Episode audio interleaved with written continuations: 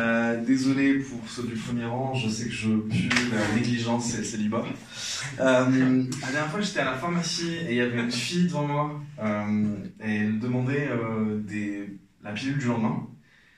Et moi, je me sentais mal parce que, je, je pense un peu parano et j'avais l'impression que tout le monde me regardait. Et tout le monde se disait, mais en fait, c'est ton pénis qui est responsable de ça. Et c'est hyper pénible. Surtout qu'on avait couché ensemble la veille. C'était pas drôle ça Ok. Et, et, euh, et est-ce qu'il y a des Français ce soir dans la salle? Cool, cool. Euh, moi j'en ai, euh, je commence à en avoir marre des drapeaux français. Il y en a un peu partout, on voit ça dans les matchs de foot, aux élections, on en a partout. Quoi encore maintenant, il va y en avoir dans les mariages. Non mais sans blague, c'est abusé. Remplacez le mot français par algérien et vous aurez 80% du stand-up euh, français qui se fout des Algériens sur le drapeau. Moi je trouvais ça drôle. Euh, et c'est vrai qu'on voit pas ça au, au stand-up US. Il n'y a pas d'Américain qui va faire euh, What the fuck with Algerians? Why do we have a flag all everywhere? Pourquoi? Parce que eux, en fait, ils ont d'autres sujets à traiter. Et qu'au final, le chier sur les Algériens, c'est une spécialité française. Ok, voilà. Il y a un autre truc. Euh, Il y a un autre truc que je trouve fascinant dans l'esprit humain, c'est que euh, on est bourré d'incohérences et que en fait souvent on a besoin de se reconnaître dans les autres et on a besoin de trouver des points communs. C'est ouf, sachant que t'imagines, t'as un gars qui fait euh, ah mais toi aussi t'es fan de Mylène Farmer? Ah je croyais que j'étais le seul à me poser des questions sur mon homosexualité. Et il y a un truc, t'as l'inverse aussi, t'en as qui, enfin, on a tous besoin de se sentir un peu unique, donc quelque part différent.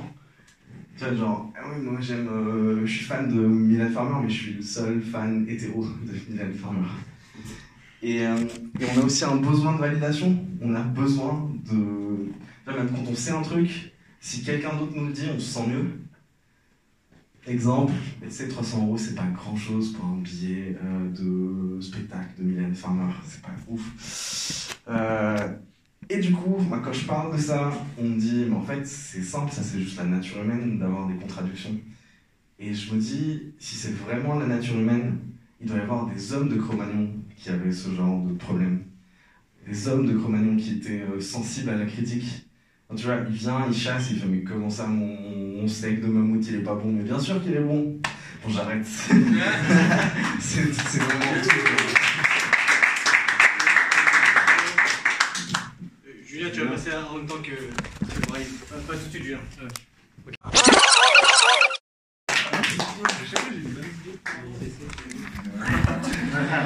Yo Oui, je suis venu saper en pyjama. Alors, je vous préviens, ça va être l'autoroute du rire.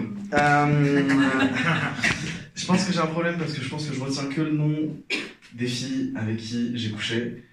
Et c'est vraiment un problème. Parce que j'ai une sorte de mémoire sélective. La dernière fois, j'étais en soirée et il y a une fille que je reconnais et je me dis, c'est Julia, je vais aller lui parler. Je traverse, je fais le tour du bar, je vais lui parler. Et on discute et je me rends compte qu'elle prononce pas mon prénom. Et moi, j'ai envie de la mettre un peu mal à l'aise et je lui dis, mais en fait, euh, te rappelles pas mon prénom, salope Et j'ai pas dit salope, j'ai pas dit salope. Mais j'aurais dû peut-être. Et, et en fait, du coup, je lui dis, bah en fait, toi, c'est Julia, moi, c'est Tarek, moi, je me rappelle de ton prénom. Elle est mal à l'aise, elle s'excuse, elle me dit, je suis désolé, je me rappelle qu'il y avait un T dans ton prénom, mais moi, je m'appelle pas du tout Julia. et, euh, et la dernière fois, je suis parti voir un, un documentaire sur euh, le Troisième Reich.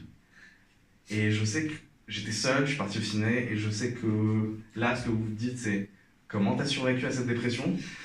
Et euh, c'était sur euh, Magda Goebbels, qui est la femme de Joseph Goebbels. Joseph Goebbels, c'était le bras droit de Hitler. Bon, on va parler de trucs hyper sympas. Euh, c'était le bras droit de Hitler, et du coup, c'était le ministre de la propagande. Donc son boulot, c'était de dire de la merde, presse, papier, télé, radio. Et, et j'arrive pas à tac, tac. Ouais. Donc la salle était pleine, je me mets au fond et, euh, et je trouve une place dégueu, complètement au fond, dernier rond, à droite. Documentaire sur euh, le Troisième Reich, Paris, ville de la déprime, salle pleine. Moi je trouve que c'est logique.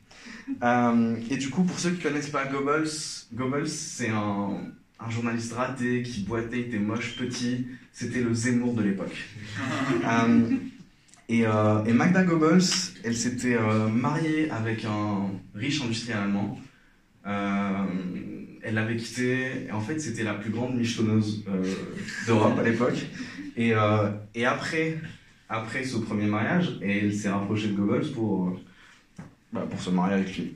Donc, ça j'avais pas, j'avais pas de fin à cette phrase. Et en fait ils ont fait six gosses en, en 9 ans. Et, euh, et du coup, dans ce documentaire, il y a une scène qui fait vraiment peur où tu vois Joseph Goebbels avec un masque de Mickey, le menton dans l'eau et qui se rapproche comme ça vers la caméra. Et pour moi, ça, c'est la scène la plus effrayante au monde. Il y a ça et euh, la fois où euh, Geneviève de Fontenay a fait une sextape.